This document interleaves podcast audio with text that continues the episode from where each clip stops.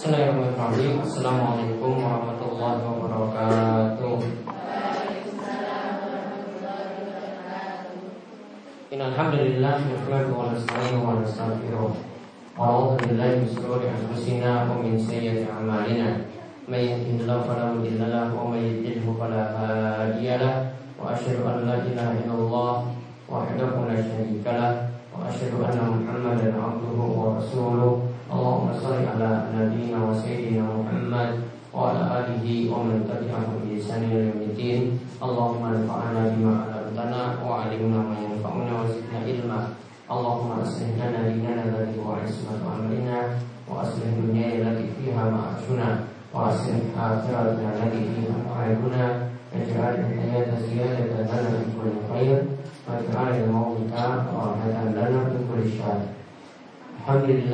para jamaah sekalian ibu-ibu yang selalu dirahmati dan oleh Allah Subhanahu wa taala. Alhamdulillah kita bersyukur kepada Allah atas nikmat yang Allah berikan kepada kita sekalian sehingga pada kesempatan pagi hari ini sejak Ahad kita kembali melanjutkan kajian tafsir dari surat Al-Kahfi. Untuk uh, apa hafalannya nanti insya Allah minggu depan baru nanti uh, akan diadakan ujian tes hafalan dari hafalan yang sudah dihafalkan. Mudah-mudahan satu orang satu ujiannya. Mudah-mudahan ya orang berkelompok. Ya, Nuria, semangat. Saya lupa yuk, info tahu masih ada waktu satu minggu. Ya, juz 29 sama juz 30.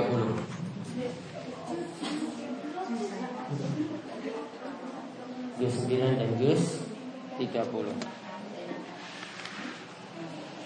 Baik Kita lanjutkan surat Al-Kahfi Kemarin sampai ayat ke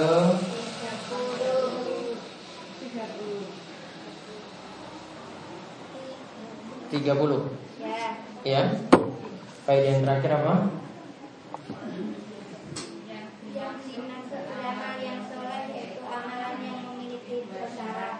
Yang dimaksud amalan soleh itu adalah amalan yang memenuhi dua syarat yaitu ikhlas dan sesuai dengan tuntunan Nabi. Baik, sekarang kita baca ayat 31 sampai 38. 31 sampai 38.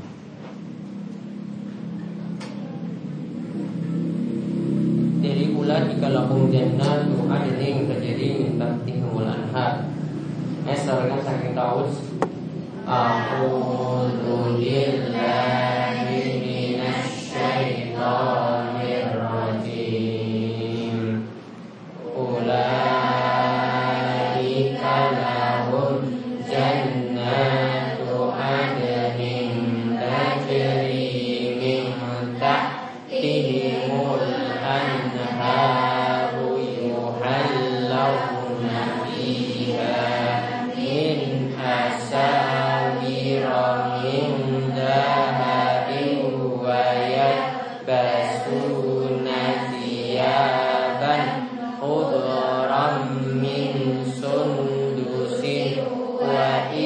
واستبرق متكئين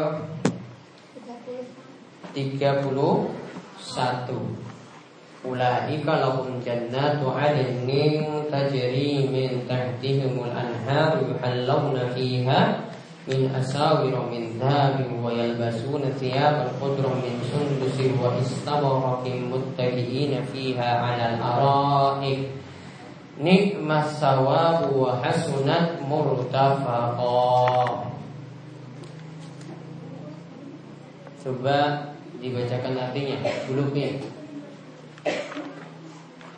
Mereka itulah yang memperoleh surga yang mengalir di bawahnya sungai-sungai di dalam surga itu. Mereka diberi hiasan bilang emas dan mereka memakai pakaian hijau dari sutra halus dan sutra tebal. Sedang mereka duduk sambil bersandar di atas divan-divan yang indah. Itulah sebaik-baik pahala dan tempat istirahat yang indah. Baik. Ayat ke-31 ini sebelumnya saya terangkan dulu. Sebelumnya kita lihat balasan orang-orang yang sabar yang mereka berteman dengan orang-orang yang soleh. Maka balasan mereka kemarin sudah disebutkan innalladzina amanu wa amilus solihati inna la nudhi'u ajra ajra man ahsana amala. Ajra man ahsana amala. Mereka yang beriman dan beramal soleh itu sungguh tidak akan disia-siakan amalan mereka. Kami tidak akan menyia-nyiakan amalan mereka dan itu bagi orang yang siapa yang paling baik amalannya tidak akan disia-siakan amalannya. Nah sekarang pada ayat ke-31 ini dijelaskan tentang balasan di surga. Ya, jadi kita lihat di silakan dicatat balasan di surga bagi orang yang beriman dan bersabar dengan berteman bersama orang-orang beriman. Ya, ini adalah balasan untuk orang yang beriman dan orang yang bersabar ketika berteman dan orang yang bersabar ketika berteman dengan orang yang beriman.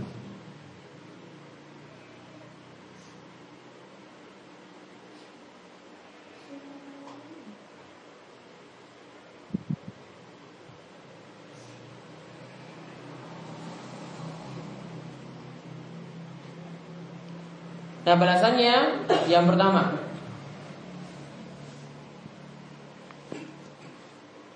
Dijanjikan surga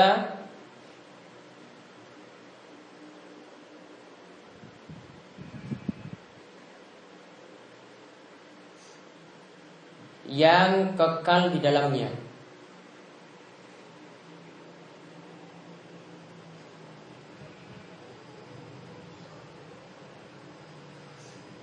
Dijanjikan surga yang kekal di dalamnya.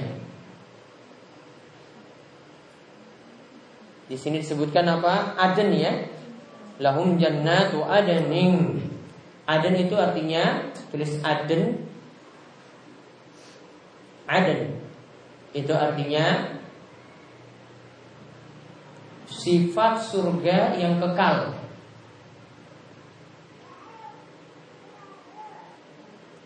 Sifat surga yang kekal.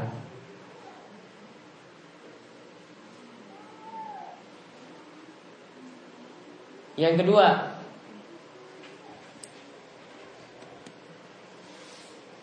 Di dalam surga mengalir di bawahnya sungai-sungai. Di dalam surga mengalir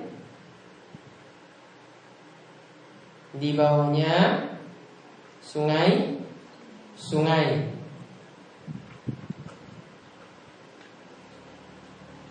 Sungai surga ada berapa macam? Ada berapa macam? Empat. Yang pertama Sungai Madu Terus Susu Terus Komer Arak Terus Air bening Jadi empat Dan di sini sifat surganya ya Di sini tadi yang ditulis Sifat surganya itu mengalir di bawahnya sungai-sungai Berarti bukan sementara waktu saja Jadi ngalir terus. Sifat surganya seperti itu.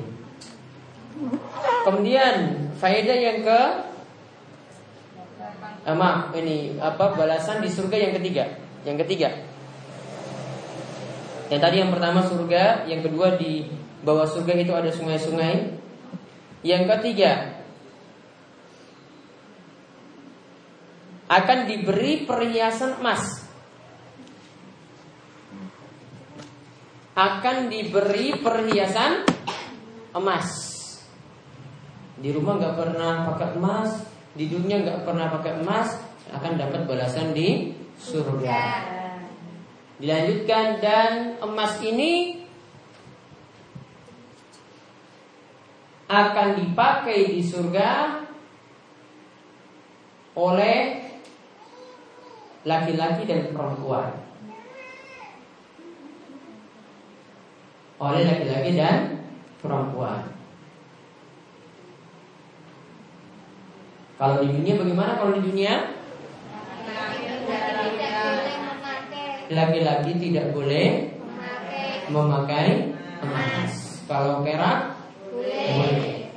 Jadi dia akan diberi laki-laki maupun perempuan. Kalau laki-laki di dunia tidak pakai nanti di surga dia akan memakainya. Namun kalau dia buru-buru di dunia memakai emas, maka dia tidak akan mendapatkan emas di akhirat. Ya. Siapa yang terburu-buru mendapatkan sesuatu, maka dia akan terhalangi mendapatkan sesuatu tersebut di akhirat. Jadi buru-buru pakai emas laki-laki di dunia, eh, laki-laki itu pakai emas di dunia, maka nanti di akhirat dia tidak memakai emas. Kemudian balasan yang berikutnya lagi. Yang ke empat akan memakai sutra yang tebal dan yang tipis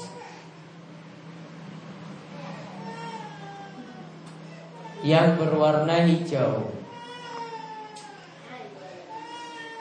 Yang berwarna hijau.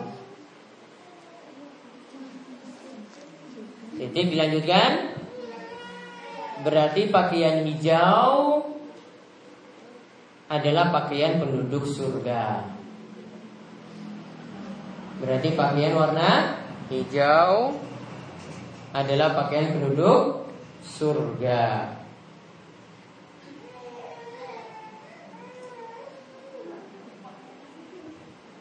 Ya, itu pakaian warna hijau. Maka orang yang pakai warna hijau itu biasanya cerah, ya. Sebagaimana kita lihat tanaman itu warna hijau itu cerah sekali. Kemudian yang ke masih balasan surga. Yang kelima. Akan duduk bersantai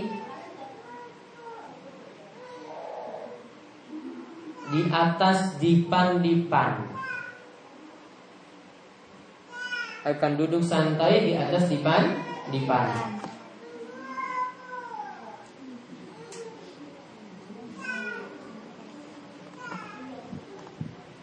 Dan duduk santainya tadi memakai pakaian istimewa.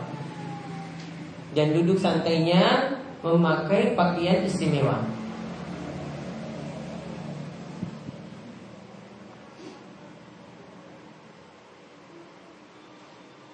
Titik lanjutannya masih dan itu menunjukkan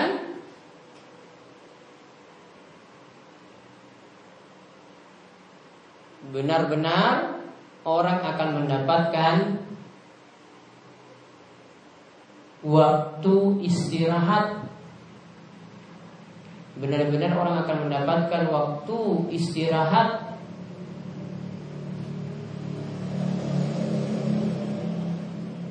Sebelum merasakan capek di dunia. Sebelum merasakan capek atau letih di dunia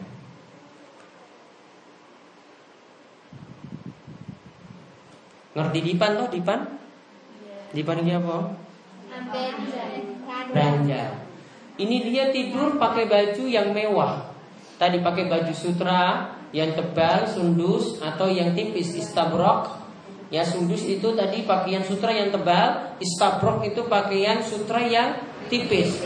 Dia duduk di atas dipan pakai pakaian seperti itu. Wah, duduknya santai, ya berkeliling di atas dipan. Ini berarti menunjukkan dia benar-benar sudah lepas dari rasa capek dan istirahat yang begitu nikmatnya di atas divan tadi.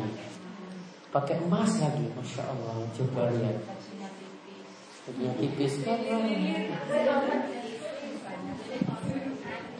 Terus ada sungai lagi di depan. Coba lihat. Ini seakan-akan kita sudah melihat surga di sini. Nanti baru baca ayatnya saya sudah seperti itu. Dan perlu dipahami bahwasanya setiap apa yang Allah terangkan tentang surga Allah itu gambarkan di surga ada sungai, di surga itu ada dipan-dipan, di surga ada gelas-gelas, ada emas. Tetap bayangan kita itu masih kalah dengan apa yang ada di surga. Maka ada orang yang baru terakhir kali keluar dari neraka. Ya ini baru terakhir kali keluar dari neraka. Ini orang yang paling akhir keluar dari neraka masuk dalam surga. Disuruh bayangkan. Coba kamu bayangkan di surga nanti kamu dapat apa saja? Kamu pengen apa? Ini baru terakhir keluar dari neraka. Ini yang paling terakhir keluar dari neraka. Jadi orang beriman itu kalau sudah masuk neraka dia bisa masuk surga asalkan apa? Beriman. Jadi mungkin dosanya banyak sehingga dibersihkan itu lama di situ dan dia yang paling terakhir ketika dia Bayangkan, oh surga saya ingin ada di istana seperti ini, gadis-gadis seperti ini. Kemudian Allah katakan, untuk orang yang terakhir masuk surga. Baru keluar terakhir dari neraka. Allah itu katakan, apa yang kamu bayangkan, surga masih 10 kali lebih daripada itu. Masih 10 kali lebih daripada itu. Jadi juga bayangkan istana seperti ini, istana surga masih 10 kalinya lagi. Kalau kita bayangkan sungai seperti itu, maka sungai di surga lebih 10 kali lebih daripada itu. Jadi yang dibayangkan ini masih luar biasa surga yang ada. Jadi tadi cuma kata-kata saja, nanti kalau dilihat langsung lebih daripada itu. Nah itu ada lima sifat-sifat surga. Yang pertama tadi apa? Dijanjikan. Dijanjikan itu balasannya tadi janjikan surga yang kekal di dalamnya. Yang kedua mengalir di bawahnya sungai-sungai. Ya, dan setiap orang itu suka dengan sungai-sungai. Walaupun mungkin dia tinggal di pinggir sungai, tetap dia juga suka dengan sungai, apalagi sungai yang jernih, sungai yang bersih. Kemudian yang ketiga, memakai perhiasan perhiasan dari emas. Ya. Kemudian yang keempat, memakai sutra yang tipis atau yang tebal, warna hijau. Nah, pakai pakaian yang bagus lagi, yang warnanya itu menarik hati. Kemudian yang kelima, duduk istirahat bersantai-santai di atas dipan dipan dengan memakai pakaian yang istimewa tadi. Nah, terus Allah katakan nikmat sawab wa hasanat murtafaqah. Itulah balasan yang terbaik bagi orang yang berada di surga. Berarti untuk mendapatkan nikmat tadi ya harus tadi sifatnya innallazina amanu amilus solihati innala nudhi'u ajra man ahsana amala. Yaitu syaratnya siapa yang beriman dan beramal soleh. Hingga beriman tidak masuk surga, tidak beramal soleh tidak akan masuk surga, tidak akan mendapatkan kenikmatan seperti itu. Kemudian Lahum masala rajulaini ja'alna li ahadihima jannataini min a'nabi wa afafnahuma wa ja'alna bainahuma zar'a. Kita lihat sekarang ayat selanjutnya ayat ke 32. Bacakan artinya belum ini? dan berikanlah Muhammad kepada mereka dan beri- berikanlah Muhammad Iya. sebuah perumpamaan dua orang laki-laki yang seorang yang kafir kami beri dua buah kebun anggur dan kami kelilingi kedua kebun itu dengan pohon-pohon kurma dan di antara keduanya kebun itu kami buatkan ladang. Terus ayat yang ke-33. Kedua kebun itu menghasilkan buahnya dan tidak berkurang buahnya sedikit pun. Dan di celah-celah keduanya, di celah-celah kedua kebun itu, kami alirkan sungai. Lalu ayat 34. Dan dia memiliki kekayaan yang besar. Maka dia berkata kepada kawannya yang beriman, ketika bercakap-cakap dengan dia, hartaku lebih banyak daripada hartamu dan pengikutku lebih kuat. Baik. Di sini Allah katakan ya, wadrib lakum masala rajulaini ja'alna li ahadihima jannataini min a'nabi wa afafna huma binaqli wa ja'alna bainahuma zar'a. Kiltal jannataini atat ukulaha wa lam taslim minhu syai'a wa fajjarna khilalahuma nahra wa kana lahu thamar. Faqala li sahibihi wa huwa yuhawiruhu ana aktsaru minka malau wa a'azzu nafara. Maka di sini saya ceritakan dulu. Jadi ayat ini menceritakan tentang permisalan. Allah misalkan ada orang yang beriman dan ada orang yang kafir. Ada orang yang beriman dan ada orang yang kafir. Terlebih dahulu diceritakan mengenai orang yang kafir. Orang yang kafir ini lihat dia diberikan nikmat dunia. Ya, sebentar ini belum dicatat ya. Dia diberikan nikmat dunia. Ada dua kebun. Kebun itu ditumbuhi kurma dan juga ditumbuhi anggur dan ini jadi tanaman istimewa. Kalau ada kurma, ada anggur itu tanaman istimewa. Lalu kedua kebun itu menghasilkan buahnya dan tidak berkurang buahnya sedikit pun. Dan yang namanya tanaman ya, yang namanya tanaman kalau berbuah Nah itu baru disebut tanaman tersebut sempurna. Kalau tanaman tadi tidak berbuah alias mandul berarti jadi tidak sem sempurna. Nah kemudian dan dia memiliki kekayaan besar, maka dia berkata kepada kawannya yang beriman ketika bercakap-cakap. Ya, ketika berdialog dengan temannya dia katakan bahwasanya aku memiliki harta dan pengikut lebih banyak darimu. Berarti standar orang kafir menilai dunia itu dari sisi banyak atau tidaknya harta. Semakin banyak harta berarti semakin mulia. Kalau hartanya sedikit berarti orangnya itu hina, orangnya itu susah, orangnya itu tidak dipandang. Ini standar orang kan kafir. Maka ditulis faedahnya faedah yang ke 70 85 Orang kafir diberikan dunia. Orang kafir itu diberikan dunia.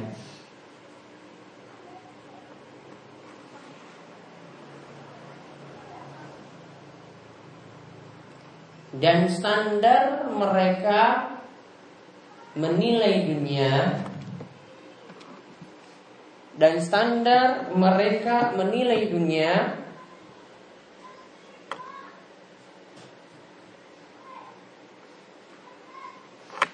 adalah melihat dari banyaknya.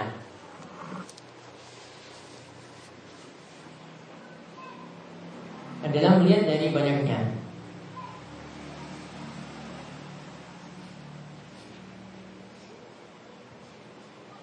Semakin banyak harta, semakin mulia. Semakin banyak harta, semakin mulia.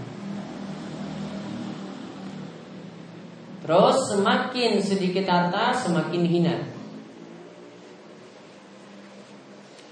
Semakin sedikit harta berarti semakin hina.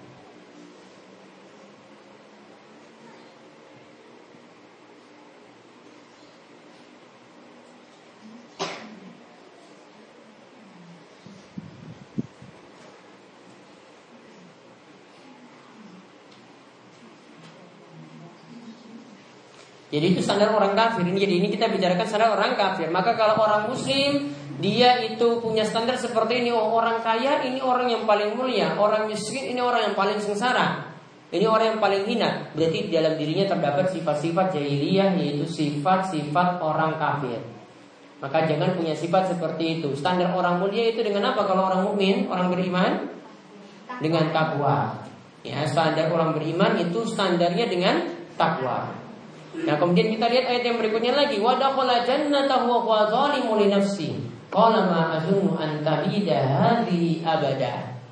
Coba lebih ayat ke-35. Dan dia masuk di kebunnya dengan sikap merugikan dirinya sendiri karena angkuh dan kafir. Dia berkata, aku kira kebun ini tidak akan binasa selama-lamanya. Baik. Nah, lihat Sifat orang kafir lagi berikutnya, ya sebentar saya terangkan. Ya, sifat orang kafir yang berikutnya mereka kalau dapat dunia, mereka kira mereka akan hidup di dunia selamanya. Nah, jadi faedah yang ke 80 86 Orang kafir ketika mendapatkan harta Orang kafir ketika mendapatkan harta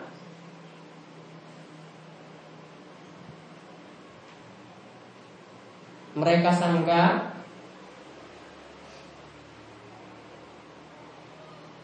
mereka sangka akan hidup di dunia selamanya. Mereka sangka akan hidup di dunia selamanya. Dan mereka akan mengingkari datangnya hari kiamat.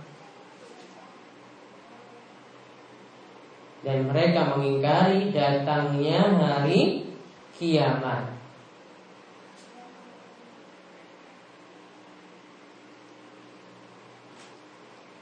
Nah lihat ini sifat dari orang apa? Kafir. Orang kafir kalau diberi harta dengan harta tadi dia sangka nanti bisa hidup selamanya. Nah kemudian dia sampai mengingkari datangnya hari kiamat. Kalau dia ingkar datang hari kiamat maka orang tidak perlu lagi menimbang-nimbang amalan, mau punya amal atau tidak, seperti itu saja. Maka kalau ada orang misalnya yang ngaku muslim, kemudian dia punya sifat, oh saya tetap nanti, ya, dia mungkin mengingkari hari kiamat. Maka orangnya itu biasanya malas untuk beribadah. Kalau orang itu sudah ingkari datangnya hari kiamat, dia itu malas untuk beribadah. Tetap seperti itu terus keadaannya, karena dia menilai amalan saya tidak akan dibalas. Mau beramal, mau sholat, nggak akan ada balasannya. Mau berbuat maksiat juga tidak akan balasannya. Jadi dia mau berbuat, ya berbuat saja. Seenaknya saja. Nah ini sifat dari orang kafir. Kemudian ayat yang berikutnya wa ma'azunnu sa'ata qa'imata wa la irruditu ila rabbi la ajidanna khairan minha munqalaba. Lebih ayat 36. Dan aku kira hari kiamat itu tidak akan datang. Dan sekiranya aku dikembali kembalikan kepada Tuhanku. Pasti aku baik. Jadi orang kafir ini faedah yang ke-87 orang kafir menyangka amalannya akan dibalas. Orang kafir itu akan orang kafir itu menyangka amalannya itu akan dibalas.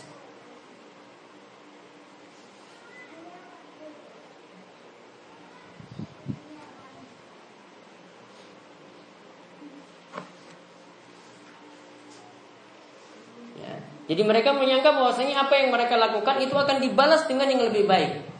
Terus lanjutannya padahal setiap amalan orang kafir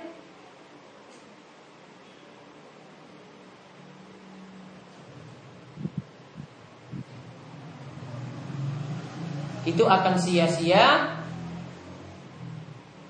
Bagaikan debu yang berterbangan. Bagaikan debu yang berterbangan.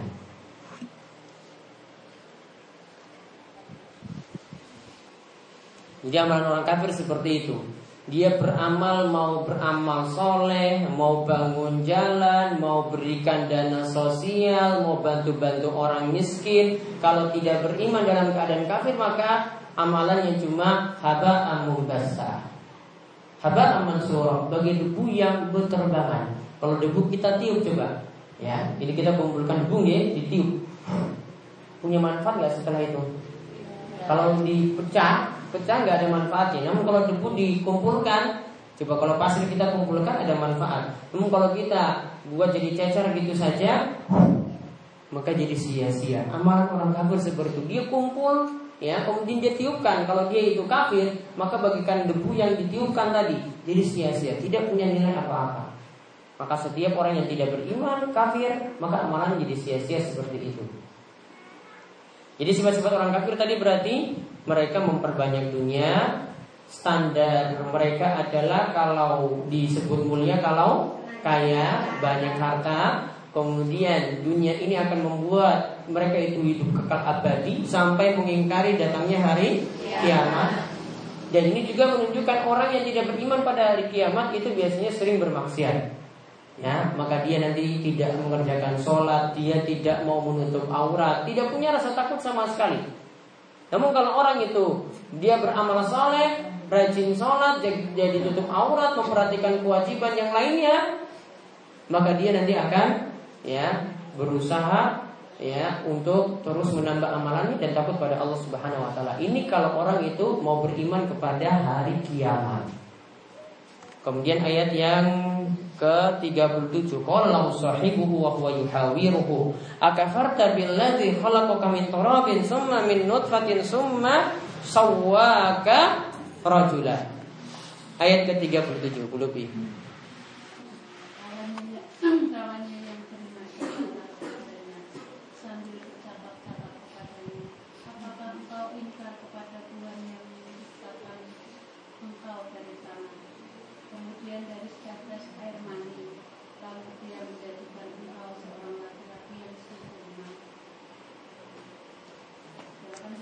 Ya, kemudian lakinnahu wallahu rabbi wa la usyriku bi rabbi ahada. Ayat ke-38. Tetapi aku percaya bahwa dialah Allah Tuhanmu dan aku tidak mempersekutukan Tuhanku dengan siapa pun. Baik. Lihat ayat ke-37 kawan yang beriman itu berkata kepadanya sambil bercakap-cakap dengannya apakah engkau ingkar kepada Tuhan yang menciptakan engkau dari tanah Kemudian yang menciptakan engkau setelah itu jadi setetes air mani lalu menjadikan engkau seorang laki-laki yang sempurna. Maka sekarang faedah yang ke-89. 88. Orang yang beriman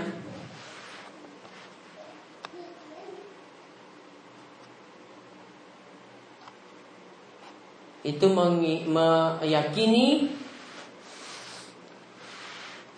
meyakini bahwa ia akan dicipta dari tanah. Ia dicipta dari tanah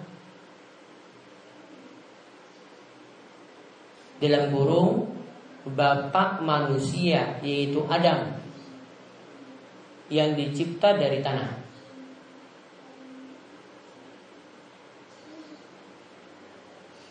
Koma. Kemudian dari setetes air mani. Ini makhluk yang lain. Ini yang selain Adam. Itu tercipta dari setetes air mani.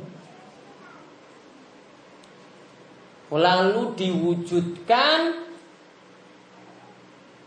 Jadi manusia sempurna. Lalu diwujudkan jadi manusia yang sempurna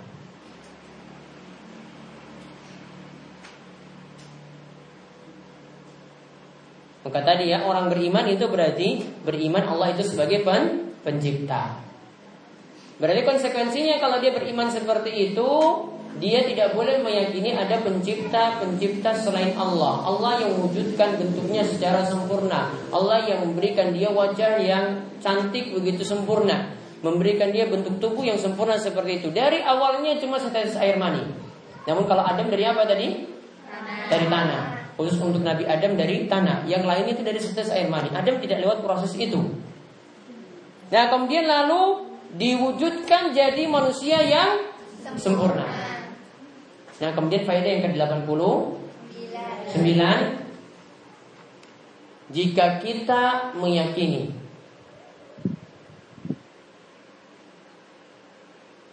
Allah sebagai pencipta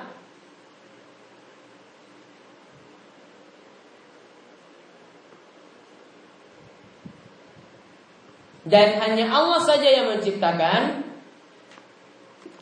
dan hanya Allah saja yang menciptakan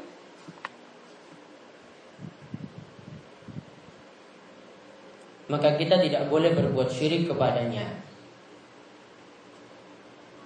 maka kita tidak boleh berbuat syirik kepadanya.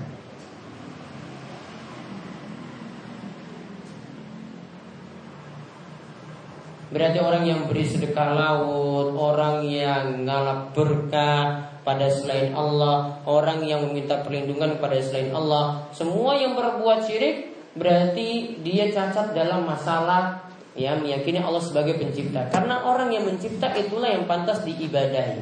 Karena ya Allah yang mencipta itulah yang pantas diibadahi. Ya dilanjutkan dan setiap yang mencipta Itulah yang pantas untuk disembah. Dan setiap yang mencipta Itulah yang pantas untuk disembah.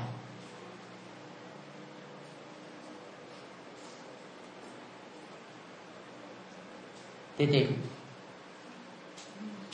Demikian untuk kajian Ahad pagi ini. Wonten pertanyaan di luar materi boleh. Ini monggo terus sambil dinikmati snacknya.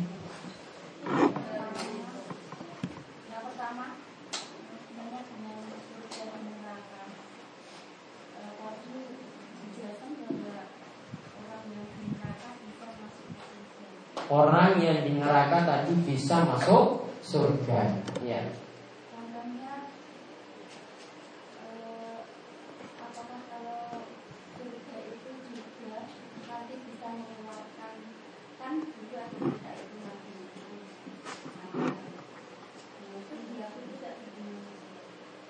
Kalau Adam itu dikeluarkan dari surga, namun tidak disuruh masuk ke neraka. Ya, Adam itu dikeluarkan dari surga, namun tidak disuruh masuk neraka. Cuma dibuat Adam itu hidup di muka bumi. Maka kalau neraka ini dengan surga berbeda. Kalau orang sudah masuk surga, tidak keluar-keluar lagi. Dia kekal di dalamnya. Jannatu adnin. Dia kekal di dalam surga. Namun kalau orang masuk neraka, ini ada dua macam. Ada orang kafir, munafik, kekal terus di dalamnya. Namun kalau orang yang beriman masih ada iman yang walaupun kecil saja imannya akan tetap masuk surga. Maka orang yang masuk neraka kalau dia beriman bisa masuk surga, orang yang sudah masuk surga ya tetap di surga, nggak disuruh. Ya inilah adilnya Allah. Tidak mungkin orang yang sudah dikasih nikmat, eh kamu salah lagi, kamu keluar lagi, nggak mungkin. Berarti ada salah perhitungan tadi. Ya kan? Masa sudah masuk surga, eh maaf kamu salah, kamu pindah lagi ke neraka lagi. Enggak bisa. Berarti Allah salah perhitungan, berarti tidak adil dalam masalah perhitungannya. Ya, berarti kalau keluar dari situ ada ketidakadilan, maka keadilan Allah akan membuat orang yang baik yang tetap kekal dalam surga. Kemudian bentuk kasih sayang Allah, orang yang berada di neraka akan dikeluarkan dari neraka untuk masuk surga. Itulah bentuk berbuat adilnya Allah yang punya sifat hakim dan bentuk kasih sayang Allah yang punya sifat rahmat. Di surga itu andaikan berbuat kalau ukuran penilaian di dunia itu tidak baik. Di surga itu melakukan perbuatan yang tidak baik itu sudah beda lagi antara Di surga tidak ada lagi perbuatan sia-sia yang dilakukan. kan. Dihalalkan semuanya bebas. Mau jalan-jalan ke mana juga bebas. Kita ke sini cuma ke pantai saja di sana ke mana-mana. Itu.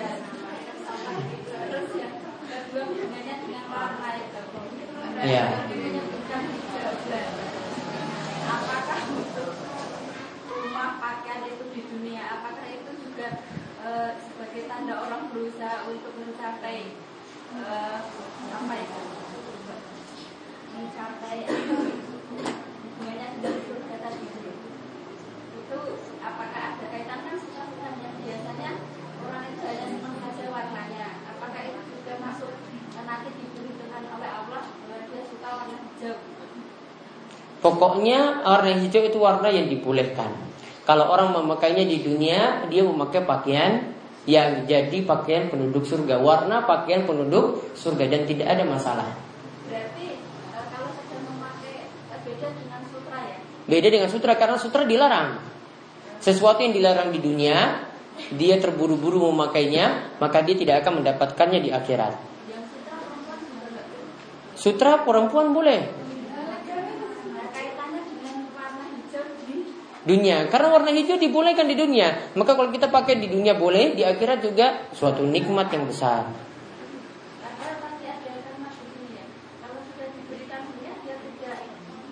Enggak, itu bagi sesuatu yang haram di dunia. Kalau sesuatu yang halal di dunia boleh saja kita manfaatkan. Kita minum susu kan? Di surga ada juga sungai susu. Sungai eh, susu di dunia itu dibolehkan. Khamar. Nah, khamar itu di dunia diharamkan. Maka kalau orang yang terburu-buru minum khamar di dunia, dia tidak akan mendapatkan nikmat khamar di akhirat. Ini berarti berlaku untuk sesuatu yang diharamkan di dunia, dia tidak lagi dapat di akhirat. Namun kalau sesuatu yang dibolehkan di dunia, dia boleh menikmatinya. Di surga juga tetap dapat juga.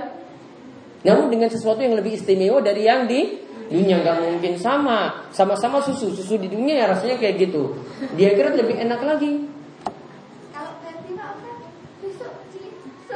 Nah, itu beda lagi. Nggak ada kan untuk untuk kenikmatan surga ada babi kan nggak ada. Kan nggak ada kan? Lihat di dunia saya sudah kayak gitu, sudah jijik masa Allah kasih yang jijik ke di, kita lagi di akhirat nggak mau lah. Homernya beda dengan homer di dunia. Kalau homer di dunia memabukkan. Ini enggak. Itu suatu kenikmatan. Nomor binatang itu nggak masuk. Yang dari itu benar-benar orang akan mendapatkan waktu istilahnya sebelum merasakan sampai atau lebih di dunia. Padahal kan kita sudah merasakan dulu. Itu maksudnya gimana? Jadi di dunia dia itu tugasnya beramal, beramal, beramal terus. Jadi orang di dunia itu amalannya tidak berhenti. Waktu istirahatnya cuma sementara, tapi tetap amalannya tetap ada terus kan? Kapan dia berhenti beramal ya sudah nanti di surga. Ketika sudah masuk surga, waktu dia istirahat, dia tidak beramal lagi, jadi tidak ada sholat lagi di sana. Nggak ada kita kayak gitu, cuma berzikir-zikir saja. Kita nggak ada mikir-mikir lagi seperti itu di dunia. Di dunia kita masih mikir kewajiban, oh pakai jilbab, oh angel tenan sumo, ya kan? Mau keluar pakai terus, ya kan berat kan? Berat, biasa-biasa saja. Jadi berat. Namun nanti ketika di surga itu tidak lagi dibebani seperti itu, bebas. Oleh karena itu para ulama itu mengatakan yang namanya di dunia itu tidak ada waktu istirahat. Maksudnya mereka tetap beramal terus dan di akhirat nanti baru waktunya istirahat. Maka para ulama itu istirahatnya sedikit. Kalau ibu-ibu 8 jam kan, ulama cuma tidur 2 jam, 3 jam. Sudah puas. Yang malam tidur. Kalau orang repot ya turun.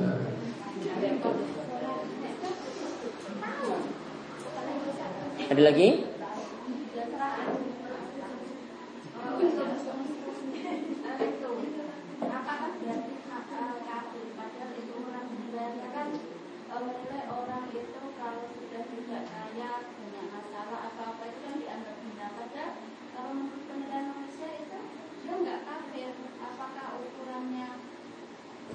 Itu itu tadi pemikiran yang tadi standar kaya itu standar.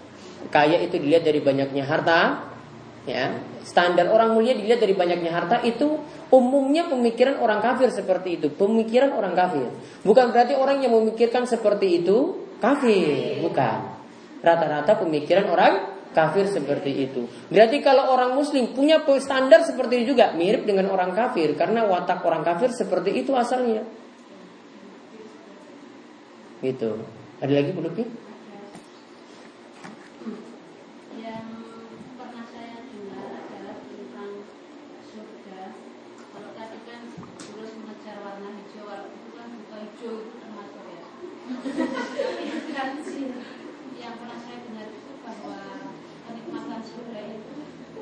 telinga dan tidak pernah terbayangkan oleh kita. Jadi andikan di sini tadi diterangkan dipan, mungkin bayangan kita adalah dipan yang kalau dia ulai yang kayak Hmm, saya elek kuwi lho. Ah. Seperti banyak presiden gitu. Tapi yang pernah saya dengar tidak pernah itu terbayang gitu. Berarti kan betapa hebatnya surga gitu. Termasuk hijau kok. Hijaunya lebih luar biasa. Itu hijau. Berarti kan di surga kalau menurut yang pernah saya dengar Nanti akan lebih daripada itu. Iya, kan? Iya. Yang- Itu ayat. Oh itu ayat. Iya. Berarti tidak ngawur saya. Kemudian ada yang yang dimaksudkan uh, Ustaz beriman itu kan kalau beriman kan berarti mengerjakan amalan sudah di hatinya meyakini gitu. Nah ini saya juga pernah mendengar kisah begini. Ketika seseorang itu digiring ke neraka sebelum dimasukkan ke neraka oleh Allah itu dia ditanya ini nggak tahu ini hadisnya di mana saya nggak tahu. E, lalu orang itu menjawab Allah bertanya begini kira-kira di bahasa saya maaf ya gitu. Apa yang kamu ketahui tentang aku begitu kan Allah berkata begitu. Lalu orang itu yang mau dimasukkan ke neraka itu menjawab yang aku Allah itu maha pengampun. Lalu orang itu ditarik balik lagi oleh Allah hanya karena seseorang itu memiliki pemikiran Allah itu sang pengampun. Padahal kalau menurut cerita itu kan kayaknya ya nggak sholat nggak ya kan nggak apa tapi akhirnya ditarik lagi apakah kisah itu saya itu kisah ngoyoworo atau bisa tahu nggak ngoyoworo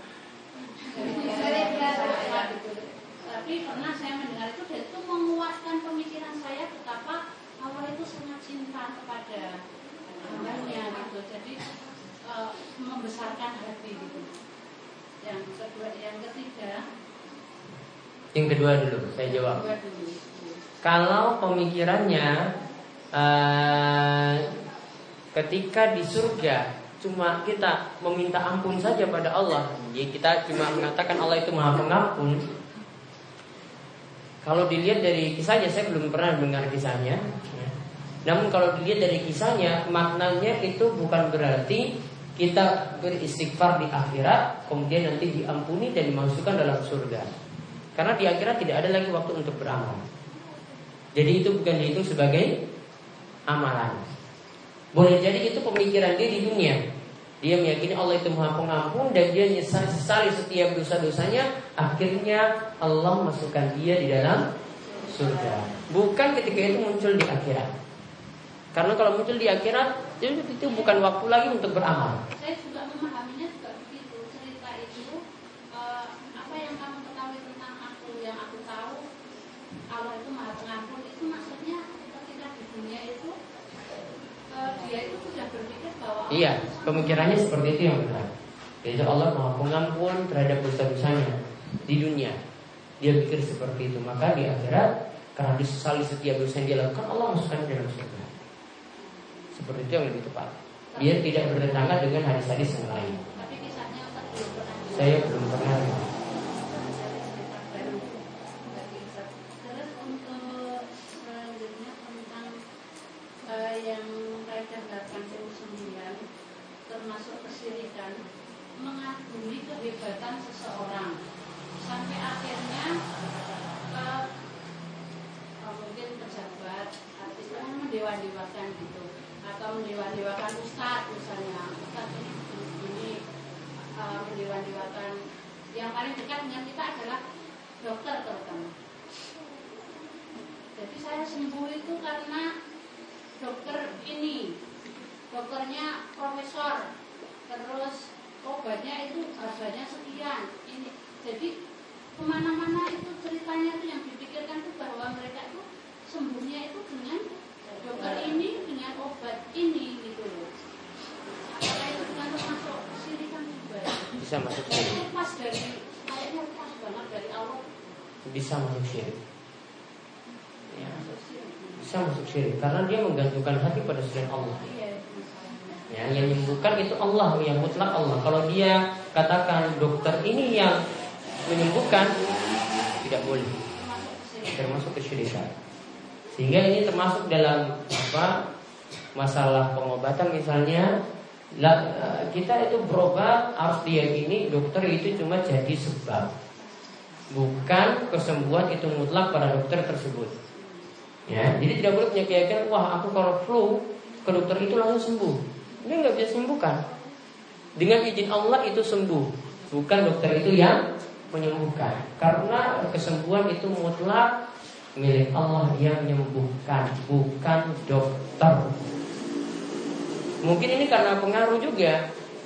Karena ini eh, kalau di Gunung Kidul itu mungkin karena perkembangan kesehatan ini mungkin baru-baru saja.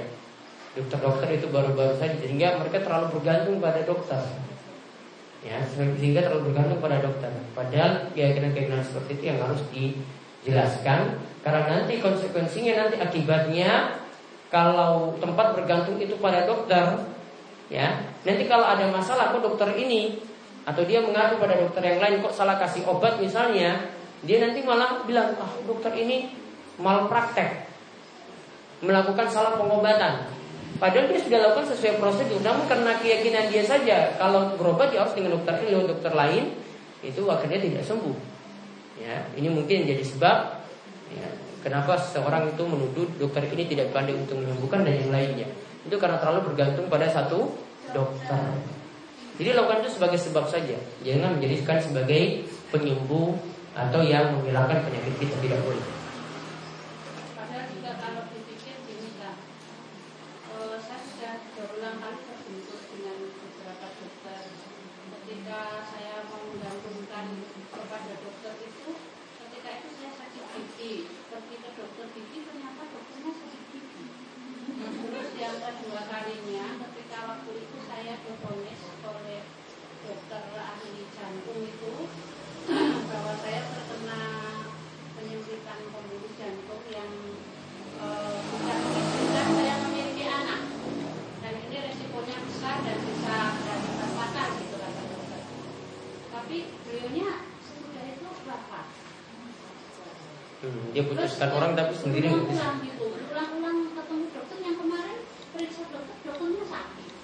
Jadi itu membuat ini semakin ketidak apa ya ketidak bergantungan gitu ya dengan dokter itu. Yang terakhir sekali saya bertanya, mengapa Ustaz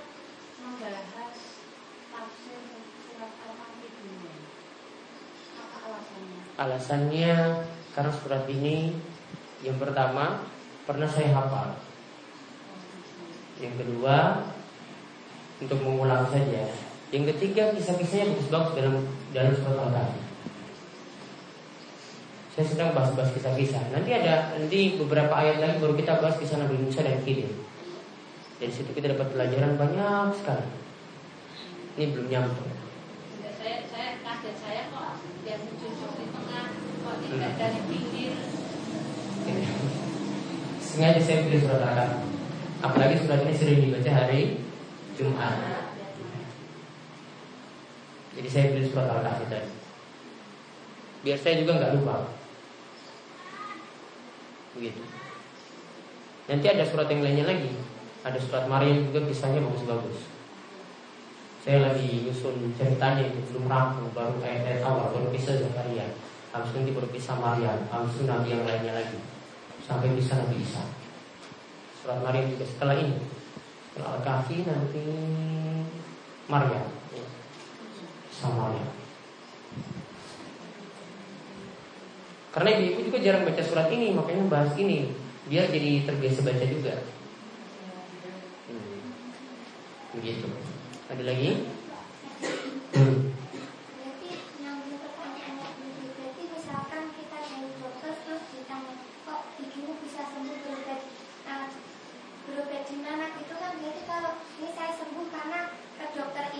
Bilang dengan izin Allah dokter itu yang panjang itu ya jawabnya. Iya. Itu lebih bagus. Imannya lebih bagus berarti oh dengan izin Allah. Kamu berarti kalau nggak dengan dokter itu enggak ya? Iya, Allah yang menyembuhkan. Terus gimana dengan jawaban-jawaban yang kemarin yang Ya, diralat aja. Dirubah. Kayak biasanya dirubah. Jangan bilang, oh, karena saya pergi ke dokter. Jangan. Saya dokter itu mati nggak bisa lagi ke mana-mana kan? terus Dengan izin Allah, saya bisa sembuh. Pas saya ke dokter itu. Seandainya saya ke dokter lain juga nanti insya Allah. Dengan izin Allah juga sembuh. Dengan izin Allah. Kalau tidak ada izin Allah nggak akan sembuh. Kamu bolak balik ke dokter mana pun juga nggak akan sembuh kalau Allah nggak sembuhkan. Terus Gitu. misalnya misalkan kan ada tiga pilihan untuk ke dokter ya, maaf ya pertanyaan tentang penyakit.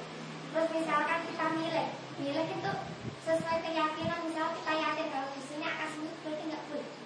Ya nggak boleh. Harus yakini Allah yang menyembuhkan. Mungkin kita yakini oh ini lebih pakar, lebih ahli, gitu. Kalau kalau mikir oh ini dia yang sembuhkan nggak boleh. maksudnya ya ini mungkin yang lebih yang lebih baik karena spesialis atau Ya mungkin nggak masalah karena dia lebih spesialis nggak masalah. Tapi tetap keyakinannya Allah yang menyembuhkan. Dia cuma sebab saja dengan saran-sarannya, dengan obat-obatnya, dengan guncangannya. Akhirnya dengan izin Allah bisa sembuh. Begitu. Jadi kata-kata ini harus ada. Sama kemarin kita bahas insya Allah juga kan. Tapi insya Allah itu biar Allah mudahkan. Jadi eh, semuanya kemudahan dari Allah. Itu maka orang beriman itu nggak pernah sandarkan pada makhluk. Oh saya bisa berhasil ini karena dokter ini. Oh saya bisa ini karena saya rajin belajar. Tidak. Dia selalu sandarkan pada Allah. Itu yang dulu kita pernah bahas dalam kitab tauhid. Dia selalu sandarkan pada Allah. Dia tidak katakan wah ini karena saya cerdas. Ya, saya akhirnya bisa dapat gelar seperti ini. Bukan. Semuanya kemudahan dari Allah. Itu sandarkan semuanya pada Allah. Maka Allah akan terus tambah nikmat. Allah akan beri kesembuhan. Gitu. Kalau menggambarkan membayangkan wajah Allah kan tidak boleh. Tidak boleh. Terus kadang ini kepikiran kayak seperti itu seperti itu nggak bisa ditahu. Ya dihilangkan. Ya, caranya itu Sibukkan diri dengan hal lain. Istighfar, Ya astagfirullah. kadang itu pas sholat terus nah, gitu kayak aja membayangkan di mana nggak pernah Allah ceritakan kok. Wajahnya persis nggak pernah kan? ya cuma kebayang aja gitu nggak boleh ke depan. Ya kalau bayangin kan juga nggak ini berarti kan nggak benar. Ya, Allah nggak ceritakan detailnya. Allah cuma katakan Allah punya wajah. Ya, Allah cuma katakan Allah punya wajah. Kalau Allah tidak jelaskan detailnya kita nggak bisa cerita. Coba kalau kita nggak pernah lihat orang coba, lihat nggak pernah lihat orang.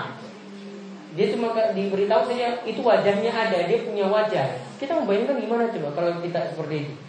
Wajah iya dia punya wajah, iya tapi bagaimana ya bayangkannya nggak bisa kan? Allah nggak beritahu kepada kita maka detailnya kita nggak bisa bisa ini, nggak bisa kita bayangkan.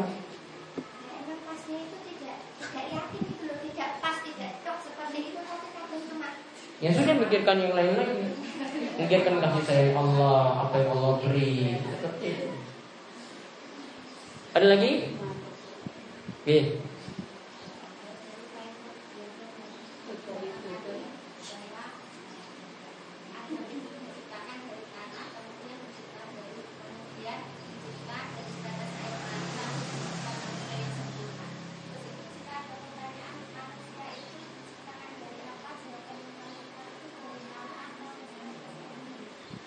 Dirinci bilang kalau ada dari tanah, namun kalau kita dari setetes air mani. anak-anak itu yang tanya. Anak-anak, Iya, anak-anak yang tanya itu saya menciptakan dari apa mbak? Biasanya seperti itu. bilang aja kalau bapak kita dulu ada ceritakan dari tanah, diciptakan dari tanah. Namun enggak, kamu enggak diciptakan dari tanah, lain dari setetes air mani. Itu apa lagi ya pokoknya kayak gitu saja.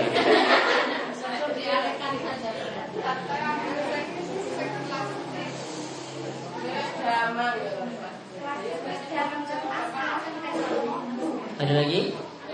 Mbak Mur? Hah? Ampun? Ya. Baik, itu saja pelajaran kita hari ini. Untuk minggu depan diingatkan kembali ya. Minggu depan insya Allah gak ada kajian tafsir Tapi nanti kita mulai jam 10 Ya, untuk setoran hafalan Dari juz 30 dan juz 29 semuanya kalau nggak bisa jawab kan berarti malu sendiri kan nanti uh, dites terus oh di. Harus datang semuanya, nggak boleh alasan. Nanti alasan sakit perut, alasan sakit panggung, ada alasan. Ya, saya sekian kita cukupkan dengan dua kata majelis. Monggo. Subhanallahumma wa bihamdika asyhadu an la ilaha illa anta astaghfiruka wa atubu ilaik. Assalamualaikum warahmatullahi wabarakatuh. Muriani mana Muriani?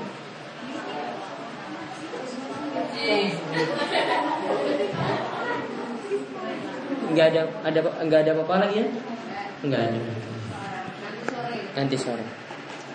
Ya, Assalamualaikum warahmatullahi wabarakatuh.